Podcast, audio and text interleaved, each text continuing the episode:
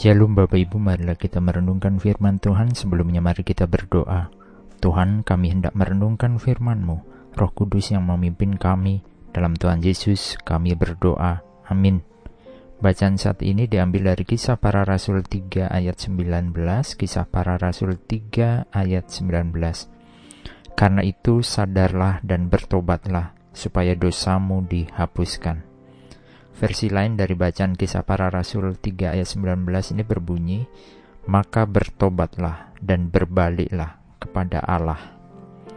Kita sering mendengar kata pertobatan atau bertobat.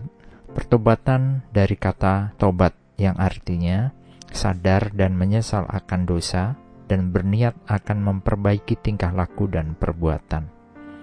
Pertobatan muncul dari dalam diri kita untuk berbalik dan kembali kepada Allah. Tuhan telah memilih untuk memberkati umatnya hanya jikalau ada pertobatan, yaitu umatnya mau berbalik dari dosa dan jalan kehidupan yang tidak benar untuk kembali kepada Tuhan. Dan umatnya mau mendengarkan segala sesuatu yang dikatakan oleh Kristus melalui firman-Nya, serta senantiasa memiliki ketaatan yang sungguh dalam Kristus. Pertobatan tidak akan memiliki arti jika kita tidak menyadari akan kesalahan dan dosa kita. Kita harus mengakui segala kesalahan kita dan kemudian menolak dan tidak melakukannya kembali.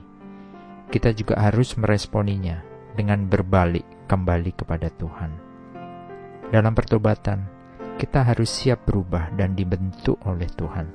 Karena pertobatan memungkinkan Tuhan memulihkan, mengampuni, dan menyucikan kita dalam pertobatan, kita akan menjadi pribadi yang rendah hati, mampu mengakui kesalahan dan dosa kita.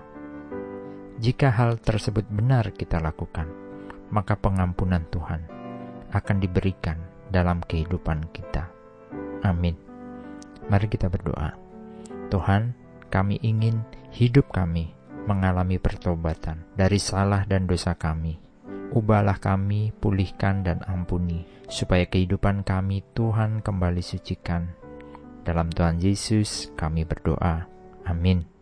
Tuhan Yesus memberkati. Shalom.